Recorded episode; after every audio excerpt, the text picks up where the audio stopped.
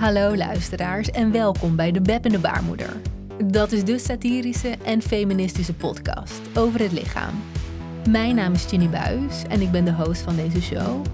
En in deze special ga ik een beker uitreiken aan een artiest, collectief of community.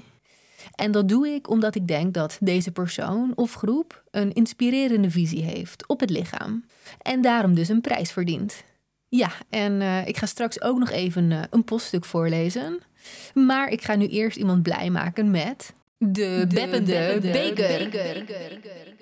En in deze aflevering gaat de beppende beker naar de Mosu. De Mosu-mensen vormen een etnische gemeenschap in China. En deze gemeenschap is matrilineair.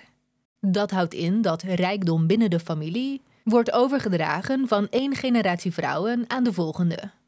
Daarnaast kennen de vrouwen in de gemeenschap veel seksuele en reproductieve vrijheden. Zo hebben Mozu-vrouwen net zoveel bedpartners als ze willen. En het huwelijk zoals wij dat kennen, dat bestaat niet. Nee, wanneer een Mozu-vrouw intimiteit wil, dan kan zij een lopend huwelijk aangaan. En nee, zo'n lopend huwelijk, dat heeft niks te maken met the walk of shame. Waarbij een vrouw met uitgelopen mascara beschaamd door de bergen loopt na het drinken van iets te veel theepotjes. Nee, een lopend huwelijk dat houdt in dat een vrouw s'avonds een geliefde uitnodigt en dat hij de volgende ochtend weer naar huis loopt. Zo'n lopend huwelijk tussen twee partners kan één dag duren of een heel leven. Net zolang totdat de vrouw het slechte nieuws verkondigt en met de deur in huis valt. Of, of ja, in dit geval juist niet. Want als een Mozu-vrouw geen zin meer heeft in intimiteit, dan houdt zij gewoon de deuren dicht. Een Mozu-vrouw woont dus niet samen met een partner. Anders dan in de Nederlandse cultuur is liefde dus niet gemengd met to-do-lijstjes en, en boodschappenlijstjes. Mm, ook niet wanneer de boodschappen in de bonus zijn. Nee, en ook niet wanneer je een gratis koningswup bij jouw boodschappen krijgt. En ook niet wanneer je die wup krijgt van manager Harry Piekema. En zeker niet wanneer Piekema tegen jou zegt... Klopt gedood, leven de koningswup. Hoe woont een Mozu-vrouw dan wel? Zij woont in het huis waar zij is opgegroeid, samen met haar moeder, haar broer en haar kinderen. Dat zijn drie generaties onder één dak, waarbij oma een zekere status heeft. En dan heb ik het niet over de seniorenstatus die we kennen in Nederland, waarbij je als 65-plusser voordelig met de bus naar de Efteling kan. Nee, oma die zit niet in de vogelrok, maar gewoon in een zetel. En vanuit die positie maakt zij belangrijke beslissingen. Door deze gezinsstructuur zijn ouderen in de Mozu-gemeenschap niet eenzaam, scheidingen die bestaan niet en vrouwen hebben net zoveel bedpartners als ze willen. En daarom krijgt deze gemeenschap de Beb en de Beker. Gefeliciteerd! Zo, luisteraars, de beker die is uitgereikt. En dat betekent dat ik nu een ingezonden poststuk ga voorlezen. Want ik heb een aantal poststukken van jullie ontvangen. En die heb ik verzameld in een doos. En daar ga ik er nu even in uitgrabbelen. Oftewel, het is mooi tijd voor de grabbeldoos.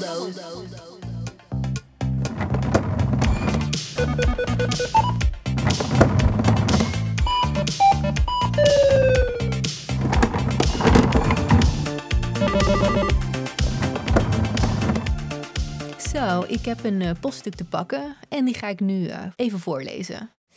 Lieve Beb en de baarmoeder, waarom ben je een feministische podcast begonnen? En waarom gaat de show specifiek over het lichaam? XOXO Merlijn Hekje 3 Oranje Wijn. Ja, Merlijn Hekje 3 Oranje Wijn. Dankjewel, uh, dankjewel voor je bericht. Ik ben eigenlijk al heel lang geïnteresseerd in maatschappelijke thema's. Daarom heb ik ook internationaal publiekrecht gestudeerd en heb ik de laatste jaren in de mensenrechtensector gewerkt. Alleen ik, uh, ik voelde me toch wel, wel ver afstaan van die thema's waar ik aan werkte. En zo raakte ik eigenlijk geïnteresseerd in feminisme, omdat dat voor mij uh, ja, meer persoonlijke raakvlakken heeft. Ja, en daar kwam ik eigenlijk achter door naar de podcast uh, Dem Honey te luisteren. En in diezelfde periode dat ik naar Dem Honey luisterde, uh, stopte ik ook met uh, hormonale anticonceptie. En begon ik weer met menstrueren na een, uh, na een lange tijd. En omdat ik daar meer over wilde weten, las ik het boek V van vulva tot vagina. En de verhalen die, die in dat boek staan, die vond ik eigenlijk heel erg fascinerend. Aan de ene kant omdat ik me heel erg herkende in de verhalen. En aan de andere kant, uh, omdat er ook wel zware thema's in voorkomen, zoals kolonisatie uh, en slavernij. En dat sprak mij dan weer uh, heel erg aan vanuit mijn mensenrechtenachtergrond. Ja, en door dat boek te lezen kwam ik er ook achter dat lichamelijke zelfbeschikking heel belangrijk is. Want als je meer macht hebt over je lichaam, dan heb je ook meer macht over je leven. En dat motiveerde me eigenlijk om een podcast te maken over het lichaam. Zo, ik hoop dat deze brievenschrijver tevreden is met het antwoord. Ja, en uh, heb jij nou ook een, uh, een vraag? Dan kun je mij post sturen op Instagram via het beppende baarmoeder. DM'tjes. Ja, en uh, daarmee zijn we alweer bijna bij het einde van deze special beland. Maar voordat de show eindigt, gaan we eerst nog eventjes naar de afsluitende rubriek toe.